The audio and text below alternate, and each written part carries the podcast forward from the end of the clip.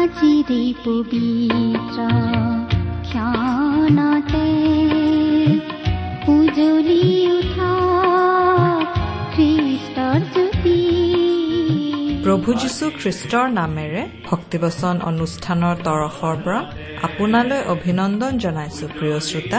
আজিৰ এই অনুষ্ঠানত আপোনাক লগ পাই বৰ ভাল লাগিছে। আশা কৰো আপুনি ভালে কুশলে আছে। ভক্তিবচন অনুষ্ঠানত প্ৰচাৰ হোৱা ঈশ্বৰৰ বাক্যসমূহে আপোনাক কেনেদৰে সহায় কৰিছে জানিবলৈ আমাৰ বৰ মন যায়। কেতিয়াবা দুষাৰি মান আমালৈ লিখি পঠিয়াবচোন। আমাৰ ঠিকনাতে অনুষ্ঠানটিৰ শেষত কোৱা হ'ব। আপুনি কলম আৰু কাগজ সাজু কৰি থব। ঈশ্বৰৰ যি দয়া কৰোণা আমি পাইছো তাকেই এই অনুষ্ঠানৰ যোগেৰে জনাবলৈ পাই আমি অতি আনন্দিত। আপোনাৰ পৰাও জানিবলৈ পালে আমি বৰ বেছি উৎসাহিত হওঁ। কিয়নো ঈশ্বৰে আমাক সকলোৰে যত্ন লয়। আপোনাৰো যত্ন লৈ আছে। নিশ্চয় আপোনাকো অনেক আশীৰ্বাদ কৰি আছে। দুখ কষ্টত পৰিলে তেওঁ উদ্ধাৰ কৰিছে। বেজাৰৰ সময়ত তেওঁ আহি সান্তনা দিছে। হয়তো ৰোগত পৰোতে সুস্থতা দিছে। তেওঁ সদায় আপোনাৰ বিভিন্ন পৰিস্থিতিত যত্ন লৈ আছে। তেওঁ আচৰিত মৰমীয়াল ঈশ্বৰ তেওঁৰ মৰমবোৰ আশীৰ্বাদবোৰ স্বীকাৰ কৰিলে সোঁৱৰণ কৰিলে সেইবোৰ দুগুণে বাঢ়ে। আহক আমি প্ৰতিদিনে ঈশ্বৰৰ পৰা পাই থকা আশীৰ্বাদবোৰ ইজনে আনজনৰ লগত প্ৰকাশ কৰোঁ।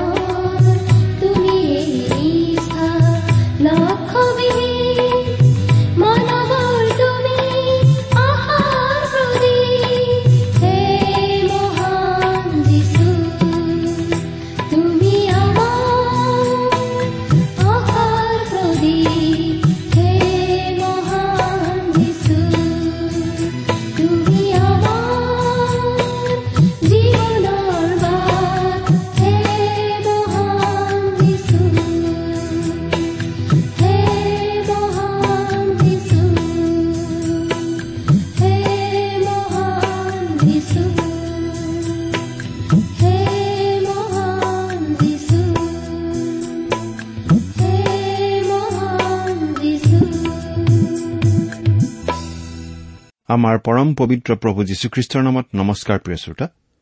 আশা কৰো মহান পিতা পৰমেশ্বৰৰ মহান অনুগ্ৰহত আপুনি ভালে কুশলে আছে। প্ৰিয় শ্ৰোতা আপুনি যে আমাৰ এই ভক্তিবচন অনুষ্ঠানটো শুনিছে তাৰ দ্বাৰা আচলতে ঈশ্বৰৰ প্ৰতি থকা আপোনাৰ শ্ৰদ্ধা ভক্তিৰ কথাই প্ৰকাশ পাইছে। সেই মহান ঈশ্বৰৰ মহান বাক্য বাইবেল শাস্ত্ৰৰ সহজ সৰল অধ্যয়নেই আমাৰ এই ভক্তিবচন অনুষ্ঠানটোৰ উদ্দেশ্য। এই অনুষ্ঠান শুনি আপুনি বাৰু কেনে পাইছে? আপোনাৰ মতামত আদি জনাই আমালৈ আজিয়েই চিঠি এখন লিখি পঠিয়াবচোন।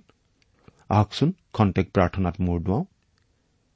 স্বৰ্গত থকা অসীম দয়ালু পিতৃ ঈশ্বৰ তোমাৰ মহান নামৰ ধন্যবাদ কৰো। তুমি সৰ্বশক্তিমান সৰ্বব্যাপী সৰ্বজ্ঞানী ঈশ্বৰ হৈও আমাৰ দৰে সাধাৰণ মানুহক যে ইমান প্ৰেম কৰা সেই কথা ভাবিলেই আচৰিত লাগে।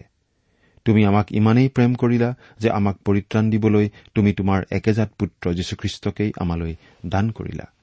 তেওঁ আমাৰ সকলো পাপৰ বোজা নিজৰ কান্ধত লৈ আমাৰ হৈ ক্ৰুচত প্ৰাণ দিলে। নিজৰ পবিত্ৰ তেজেৰে আমাৰ পাপৰ প্ৰায়চিত্ৰ কৰিলে। আজি তেওঁত বিশ্বাস কৰি আমি অনন্ত জীৱন লাভ কৰি তোমাক পিতৃ বুলি মাতিব পৰা হৈছো। তাৰ বাবে তোমাক অশেষ ধন্যবাদ পিতা। এতিয়া আমি তোমাৰ মহান বাক্য বাইবেল শাস্ত্ৰ অধ্যয়ন কৰিবলৈ ওলাইছো প্ৰাৰ্থনা কৰিছো। তোমাৰ বাক্য বুজি পাবলৈ তুমি আমাক সহায় কৰা। এই অনুষ্ঠান শুনি থকা মৰমৰ শ্ৰোতাসকলক তুমি উপচি পৰাকৈ আশীৰ্বাদ কৰা। কিয়নো এই প্ৰাৰ্থনা আমাৰ মহান ত্ৰাণকৰ্তা মৃত্যুঞ্জয়ী প্ৰভু যীশুখ্ৰীষ্টৰ নামত আগবঢ়াইছো।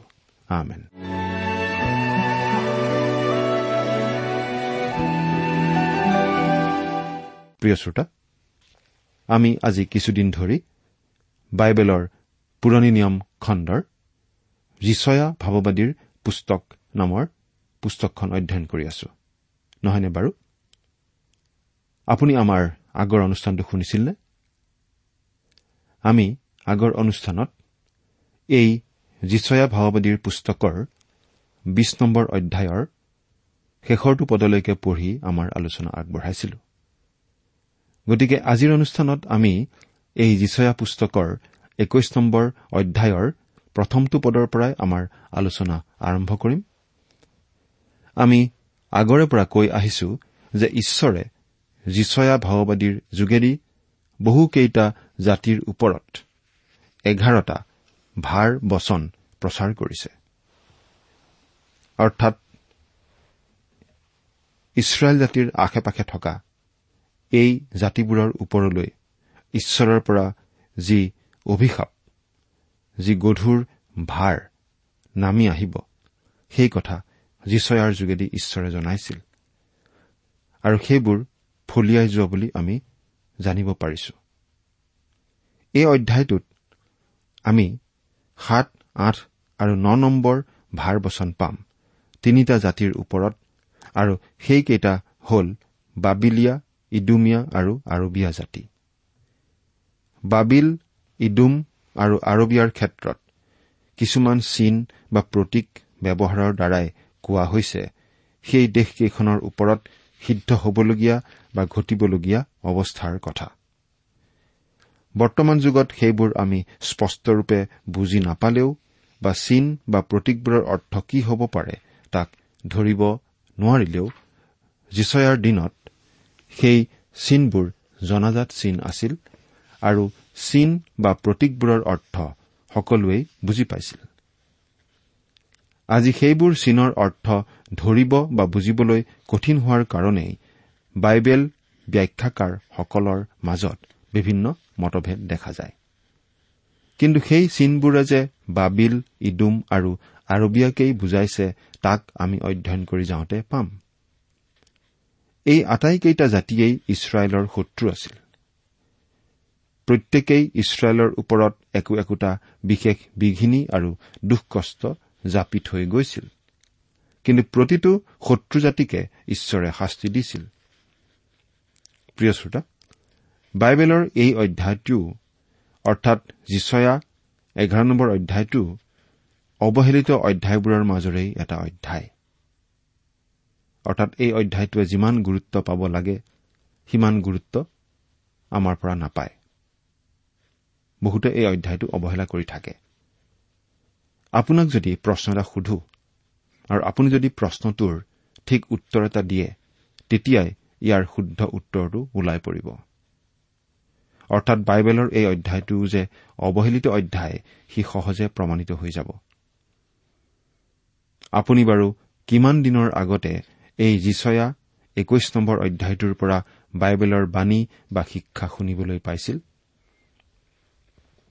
আমাৰ এনেকুৱা ধাৰণা হয় আপুনি কিজানি এই অধ্যায়টোৰ পৰা এবাৰো একো বাণী বা শিক্ষা শুনা নাই? নহয়নে বাৰু? আপুনি প্ৰভু যীশুৰ দ্বিতীয় বা পুনৰ আগমনৰ কথা নিশ্চয় জানে নহয় জানো? তেওঁ যে আকৌ আহিব সেই কথা আমি বাৰে বাৰে সোঁৱৰাই দি আহিছো। সেই কথা আপুনি নিশ্চয় জানে। প্ৰভু যীশুৰ এই পুনৰাগমনৰ লগতে আৰু এটা বিষয় লগ লাগি থাকে। আৰু সেইটো হৈছে প্ৰভু যীশুৰ হাজাৰ বছৰীয়া ৰাজত্বৰ বিষয়। এতিয়া এটা কথা। প্ৰভু যীশুৰ এই পুনৰাগমন তেওঁৰ এহেজাৰ বছৰ ৰাজত্বৰ পূৰ্বে হ'ব নে এহেজাৰ বছৰ ৰাজত্বৰ পাছত হ'ব? কাৰণ বাইবেলৰ শিক্ষক আৰু ছাত্ৰ ছাত্ৰীসকলৰ মাজত দুটা দল আছে। এদলে ক'ব খোজে যে এহেজাৰ বছৰীয়া ৰাজত্ব কৰাৰ পূৰ্বেই প্ৰভু যীশুৰ পুনৰাগমন হ'ব। আনহাতে আনটো দলে বিশ্বাস কৰে যে এহেজাৰ বছৰ ৰাজত্বৰ পাছতহে প্ৰভু যীশুৰ পুনৰাগমন হ'ব। এতিয়া যিসকলে বিশ্বাস কৰে যে প্ৰভু যীশুৰ পুনৰাগমন তেওঁৰ এহেজাৰ বছৰ ৰাজত্ব কৰাৰ পূৰ্বেই হ'ব সেইসকল লোকে দাবী কৰিব খোজে যে তেওঁলোকে বিশ্বাস কৰা ধৰণেহে। এই যিচয়া পুস্তকৰ একৈশ নম্বৰ অধ্যায়ৰ নিচিনা অধ্যায়বোৰৰ বাণীবোৰ বৰ ৰজিতা খায়। এই অধ্যায়টোত বিশেষ এটা মন কৰিবলগীয়া বিষয় হৈছে যে ইয়াত প্ৰতীক বা চিন ব্যৱহাৰ কৰা হৈছে। বাইবেলৰ বহুতো বিষয় আমি আক্ষৰিক অৰ্থতেই বিশ্বাস কৰিব পাৰোঁ। কিন্তু যেতিয়া চিন বা প্ৰতীক ব্যৱহাৰ কৰা হয় তেতিয়া আমি জনা উচিত যে প্ৰকৃত বিষয় বা বস্তুটোৰ প্ৰতীক বা চিনটো একো একোটা ছবিহে। অধ্যায়টোৰ এক নম্বৰ পদটো পাঠ কৰি দিম শুনিবচোন। যিচয়া একৈশ নম্বৰ অধ্যায়ৰ এক নম্বৰ পদ। সাগৰৰ তীৰৰ অৰণ্য বিষয়ক ভাৰ বাক্য। যেনেকৈ দক্ষিণ অঞ্চলত বামাৰলি বতাহ বেগেৰে চলে তেনেকৈ আপদ অৰণ্যৰ পৰা ভয়ানক দেশৰ পৰা চলি আহিছে।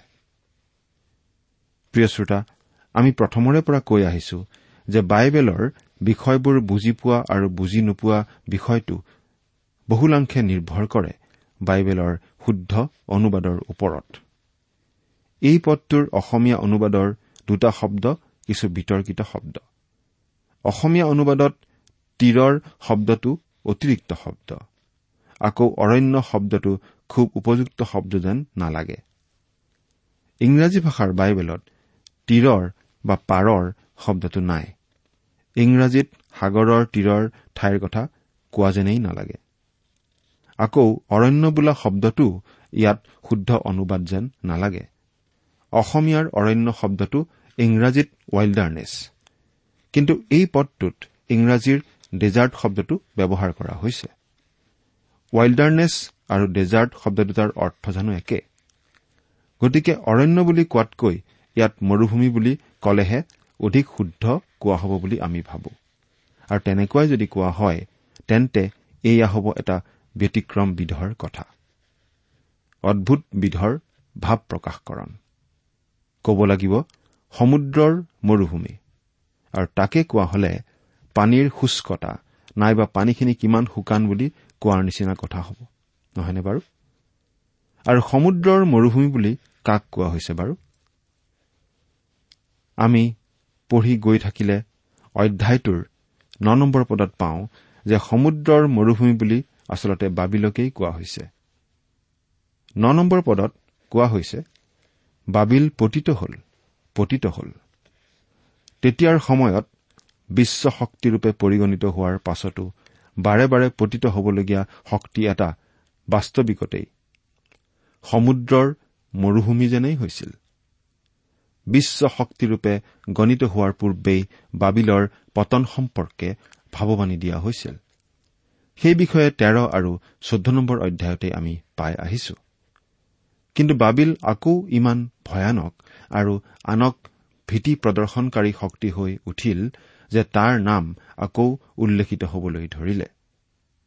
সেয়ে আমি এই সমুদ্ৰৰ মৰুভূমিৰ ৰূপ বাবিলৰ ক্ষেত্ৰত পুনৰ ভাৰ বাক্য বা তাৰ বিৰুদ্ধে ভাৱবাণী দিয়া দেখিবলৈ পাইছো। একত্ৰিতভাৱে ঈশ্বৰৰ বিৰুদ্ধে মানুহে এই বাবিলতেই তেওঁলোকৰ বিদ্ৰোহ আচৰণ আৰম্ভ কৰিছিল। বাবিলৰ সেই আকাশ লংঘা গম্বুজটো নিৰ্মাণ কৰি। ঈশ্বৰৰ বিৰুদ্ধে জোৰ বিৰোধিতা কৰাৰো বাবিলেই যে শেষকালৰ কেন্দ্ৰস্থল হ'ব এই বাবিলে তাকেই বুজায়।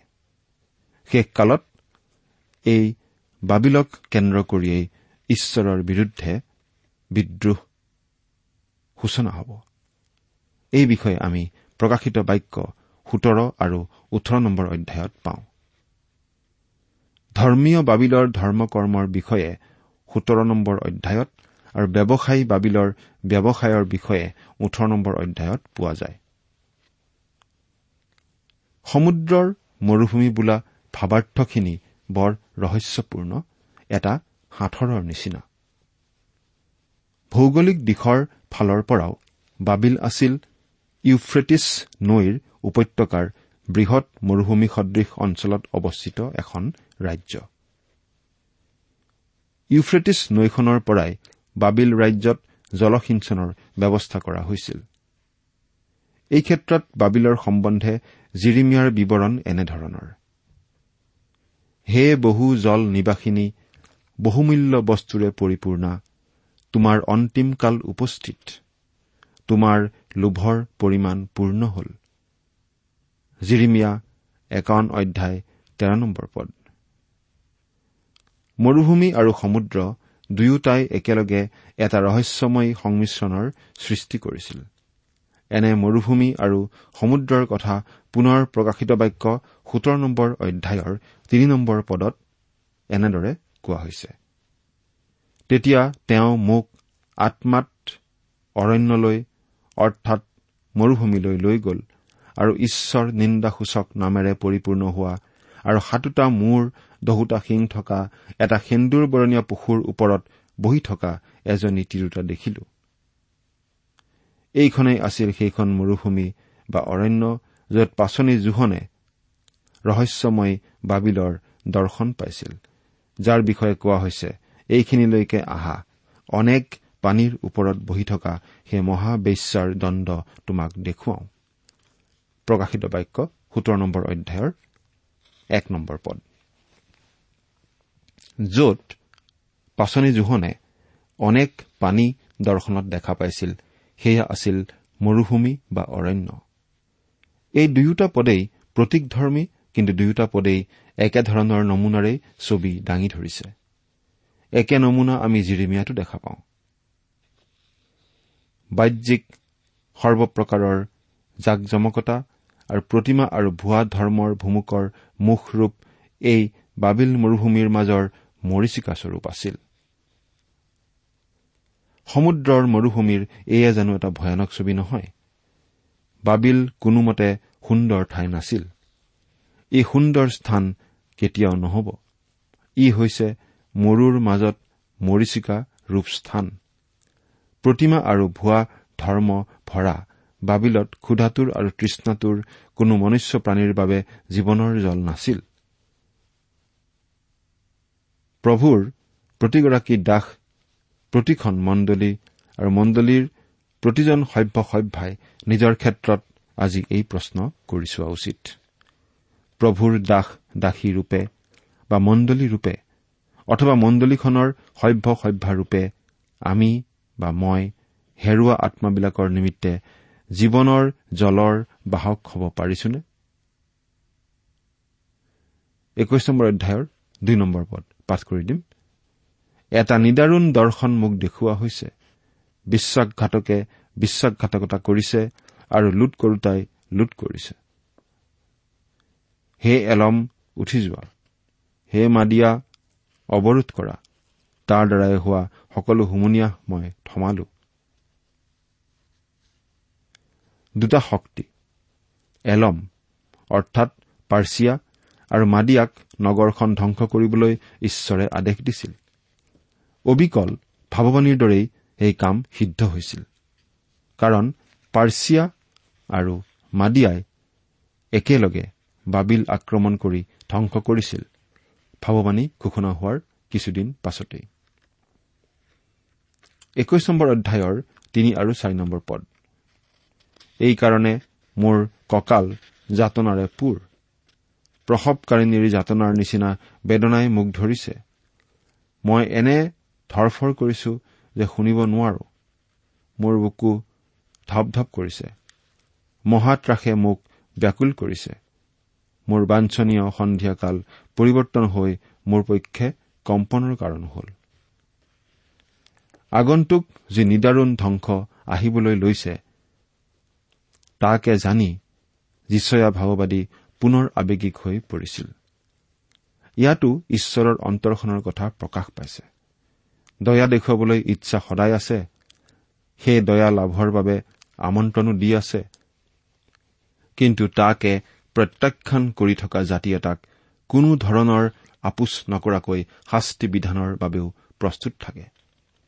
যিচয়াৰ আৱেগভৰা অন্তৰ আৰু জিৰিমিয়াৰ চকুলোৱে ঈশ্বৰৰ চিৰ যুগমীয়া প্ৰেমৰ কথাই প্ৰকাশ কৰে। ঈশ্বৰৰ সুধবিচাৰত কোনেও আনন্দ পাব নোৱাৰে। ঈশ্বৰে নিজেও কৈছে যে সুধবিচাৰ কৰাটো তেওঁৰ অনিচ্ছা সত্বেও কৰিবলগীয়া এটা অদ্ভুত কাম অতি কষ্টকৰ কাম। আচলতে তেওঁ আপোনাৰ সুধবিচাৰ কৰিব নিবিচাৰে বৰং আপোনাৰ পৰিত্ৰাণহে সাধন কৰিব বিচাৰে। কিন্তু সিদ্ধান্তটো আপোনাৰ। তেওঁ আপোনাৰ সুধবিচাৰ কৰিব লাগে নে নালাগে সেইটো সদায় আপোনাৰ সিদ্ধান্তৰ ওপৰতে নিৰ্ভৰ কৰে। তেওঁ কোনো জাতিৰ ওপৰতো সুধবিচাৰ আনিব নিবিচাৰে। কিন্তু সেইটো নিৰ্ভৰ কৰে জাতিবিলাকৰ সিদ্ধান্তৰ ওপৰত। জাতিবিলাকে পাপ পথৰ পৰা ঘূৰি ঈশ্বৰৰ আদেশ অনুসাৰে চলি তেওঁৰ ক্ৰোধৰ সুদবিচাৰৰ পৰা হাত সাৰিব পাৰে। কিন্তু তাৰ বিপৰীতে জাতিবিলাকে পাপ পথ ত্যাগ কৰি ঈশ্বৰলৈ নুঘূৰা কোনো জাতিৰ সৈতে আপোচ নকৰাকৈ সেই জাতিৰ সুদবিচাৰ কৰিবলৈ তেওঁ বাধ্য। একৈশ নম্বৰ অধ্যায়ৰ পাঁচ নম্বৰ পদ। মেজ সজোৱা হৈছে পৰিয়া নিযুক্ত হৈছে ভোজন পান চলিছে। হে সেনাপতিবিলাক উঠা ঢালত তেল ঘঁহা। এই পদটো পঢ়িলে এনে লাগে যেন ভাৱবাদীগৰাকীয়ে নিজ চকুৰেই বাবিলৰ সেই ধ্বংসযজ্ঞ বা পতন দেখিবলৈ পাইছে যি পতনৰ বিৱৰণ দানিয়েল পাঁচ নম্বৰ অধ্যায়ত দিয়া হৈছে। কিন্তু ভাৱবাণী প্ৰচাৰ কৰাৰ প্ৰায় দুশ বছৰৰ পাছতহে বাবিলৰ এই পতন ঘটিছিল। বাবিলৰ কেনেকৈ পতন ঘটাইছিল সেই বিষয়ে বিতং বিৱৰণ দানিয়েল পাঁচ নম্বৰ অধ্যায়ত নাই।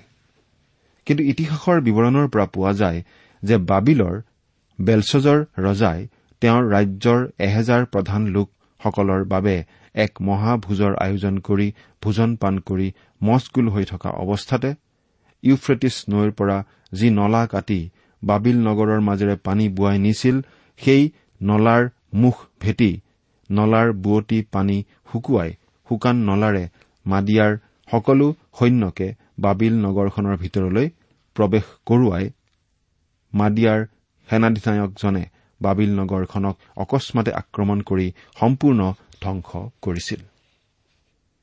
যেনেকুৱা হ'ব বুলি ভাৱবাণী ঘোষণা কৰা হৈছিল ঠিক তেনেকুৱাই হৈছিল। একৈশ নম্বৰ অধ্যায়ৰ ছয় নম্বৰ পদৰ পৰা ন নম্বৰ পদ। কিয়নো প্ৰভুৱে মোক এইদৰে কৈছে যোৱা এজন পৰিয়া নিযুক্ত কৰা। সি যি দেখে তাক প্ৰকাশ কৰক। যেতিয়া সি জোৰ জোৰ হৈ যোৱা অশ্বাৰোহী সৈন্য এদল দেখিব তেতিয়া সি অতি মনোযোগেৰে কাণ পাতিব। আৰু সি সিংহ গৰ্জনেৰে চিঞৰি কলে হে প্ৰভু মই দিনটো নিৰন্তৰে প্ৰহৰী গৃহৰ ওপৰত থিয় হৈ আছো আৰু ওৰে ৰাতি পৰ দিয়া ঠাইত মোক ৰক্ষা কৰা হৈছে। আৰু চোৱা সৌৱা জোৰ জোৰ হৈ অশ্বাৰোহী সৈন্য এদল আহিছে। সি মাত লগাই আকৌ কলে বাবিল পতিত হল পতিত হল আৰু তাৰ দেৱতাবোৰৰ আটাই মূৰ্তিবোৰ দুখৰ দুখৰ হৈ মাটিত পৰি আছে। নগৰৰ দেৱালৰ ওপৰত থকা প্ৰহৰী গৃহত পহৰা দি থকা প্ৰহৰীজনে দেৱালৰ বাহিৰত যি যি দেখে সকলো নগৰৰ ভিতৰত জানিবলৈ দিয়ে। তেওঁ জোৰে জোৰে চিঞৰি কয় সৌৱা চাওক জোৰ জোৰ হৈ এডাল অশ্বাৰোহী সৈন্য আগবাঢ়ি আহিছে। তেওঁলোক হৈছে বাণীবাহক। তেওঁলোকৰ বাণী হৈছে বাবিল পতিত হল পতিত হল। প্ৰহৰীজনে বাবিলৰ ৰজাক জনায় যে বাবিল পতিত হল। জিৰিমিয়া একাৱন্ন নম্বৰ অধ্যায়ৰ একত্ৰিশৰ পৰা তেত্ৰিশ পদ। বাবিলৰ সমূহ দেৱতাবোৰৰ কটা প্ৰতিমাবোৰ দুখৰ দুখৰকৈ ভাঙি মাটিৰ সমান কৰি পেলোৱা হল। এই পতনৰ দ্বাৰাই এহাতে যেনেকৈ নগৰখনৰ ধ্বংসৰ বাবে দুখৰ কথা হল আনহাতে তেনেকৈ ইয়াৰ কটা প্ৰতিমাবোৰ আৰু ভুৱা ধৰ্ম লোপ পোৱাৰ বাবে সুখৰ কথা হল। একৈশ নম্বৰ অধ্যায়ৰ দহ নম্বৰ পদ। হে মোৰ মৰণা মৰা শস্য আৰু খলাৰ ধানস্বৰূপ লোক ইছৰাইলৰ ঈশ্বৰ বাহিনীবিলাকৰ জিহুৱাৰ পৰা যি শুনিলো তাকে মই তোমালোকক জনালো। শস্য চপোৱা সময়খিনি সুধবিচাৰৰ সময়ক বুজায়। জোহন চাৰি নম্বৰ অধ্যায়ৰ পঁয়ত্ৰিশ নম্বৰ পদত আমাৰ প্ৰভুৱে কৈছে আৰু চাৰি মাহ হলে ধান দাবৰ সময় হ'ব। এই কথা তোমালোকে নোকোৱানে? চোৱা মই তোমালোকক কওঁ তোমালোকৰ চকু তুলি পথাৰলৈ চোৱা। এতিয়াও দাবলৈ বগা হৈছে। আমাৰ প্ৰভুৱে বিধানৰ শেষকালত এই কথা কৈছিল। সেয়া এনেকুৱা সময় আছিল যি সময়ত পোন্ধৰশ বছৰ ধৰি বিধানৰ অধীনে জীৱন ধাৰণ কৰা ইছৰাইলৰ বিধানৰ শেষকাল আহি উপস্থিত হৈছিল আৰু ইছৰাইলৰ ওপৰলৈ সুদবিচাৰ আহি আছিল। একৈশ নম্বৰ অধ্যায়ৰ এঘাৰ নম্বৰ পদ। দুমা বিষয়ক ভাৰ বাক্য চেইৰৰ পৰা কোনো এজনে মোক মাতি কৈছে হে প্ৰহৰী কিমান ৰাতি? হে প্ৰহৰী কিমান ৰাতি? ইয়াত ডুমা বোলা শব্দটো ইডুম নামটোৰেই প্ৰতীক নাম। ডুমা নামৰ অৰ্থ হৈছে নিস্তব্ধ। আৰু কি আচৰিত ভাৱবাণী বাক্যৰ দৰেই ইডুম আজিও সম্পূৰ্ণ নিস্তব্ধ ভূমি। আৰু চেইৰ মানে হৈছে খহতা বা নুমাল। এছৱেই প্ৰথম চেইৰ বা নুমাল লোক আছিল। আদি পুস্তক পঁচিছ নম্বৰ অধ্যায়ৰ পঁচিছ নম্বৰ পদ। আৰু তেওঁ পাহাৰীয়া চেইৰ অঞ্চলত বসবাস কৰিছিল। আদি পুস্তক ছয়ত্ৰিশ অধ্যায় আঠ নম্বৰ পদ। চেইৰ মানে ধুমুহা বতাহকো বুজায়। এতিয়া এই নিস্তব্ধ আৰু ধুমুহা বোলা দুই ভূমিৰ আৰ্তনাদ শুনা গৈছে। হে প্ৰহৰী কিমান ৰাতি? অৰ্থাৎ ৰাতিৰ কিমান সময় গ'ল? ৰাতিপুৱালৈ আৰু কিমান সময়? আন কথাত ঈশ্বৰৰ গৌৰৱৰ দিনত নিজ দেউকাত সুস্থতা লৈ ধাৰ্মিকতাৰ সূৰ্য উদয় হোৱালৈ আৰু কিমান দিন বাকী আছে? মলাখী চাৰি নম্বৰ অধ্যায়ৰ দুই নম্বৰ পদ। একৈশ নম্বৰ অধ্যায়ৰ বাৰ নম্বৰ পদটো পঢ়িছো। প্ৰহৰীয়ে উত্তৰ দি কলে প্ৰভাত আহিছে আৰু ৰাতিও আহিছে যদি সুধিব খুজিছা আকৌ ঘূৰি আহা। ইয়াত মন কৰক ৰাতি আৰু দিন দুয়োটাই আহিছে যিটো ঈশ্বৰৰ লোকৰ বাবে পোহৰ হ'ব। সেইটোৱেই ঈশ্বৰক প্ৰত্যাখ্যান কৰা মাংসিক মনৰ ইডুমীয়া জাতীয় সকলো লোকৰ বাবে কিটমিটীয়া অন্ধকাৰ হ'ব।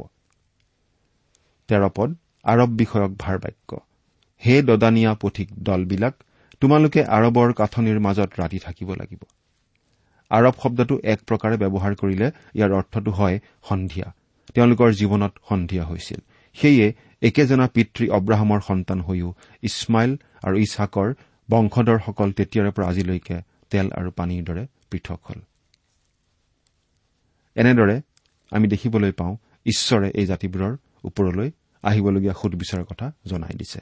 প্ৰিয় শ্ৰোতা ঈশ্বৰৰ সুদবিচাৰৰ পৰা ৰক্ষা পোৱাৰ উপায় আজি আমি লাভ কৰিছো প্ৰভু যীশুক গ্ৰহণ কৰাৰ দ্বাৰাই। সেই কাম বাৰু আপুনি কৰিছেনে? ঈশ্বৰে আপোনাক আশীৰ্বাদ কৰক।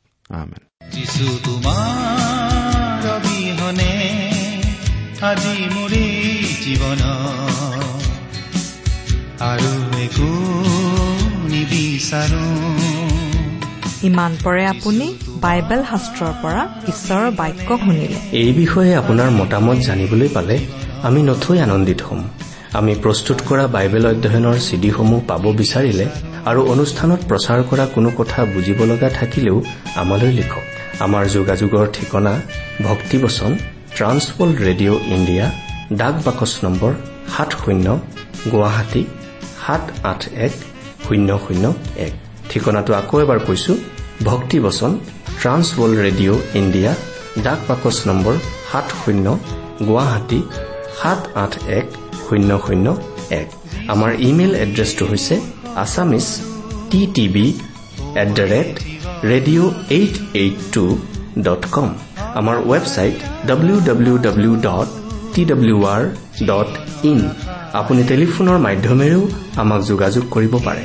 আমাৰ টেলিফোন নম্বৰটো হৈছে nine eight five four zero' four zero' eight eight nine phone নম্বৰটো আকৌ এবাৰ কৈছো ন আঠ পাঁচ চাৰি শূন্য চাৰি শূন্য আঠ আঠ ন। আপুনি এই ভক্তিবচন অনুষ্ঠানটি আমাৰ website W W W dot radio' eight eight two dot কমতো শুনিব পাৰিব। আজিৰ অনুষ্ঠানটি ইমানতেই সামৰিছো। ঈশ্বৰৰ শান্তি আৰু অনুগ্ৰহ আপোনাৰ লগত থাকক। ধন্যবাদ।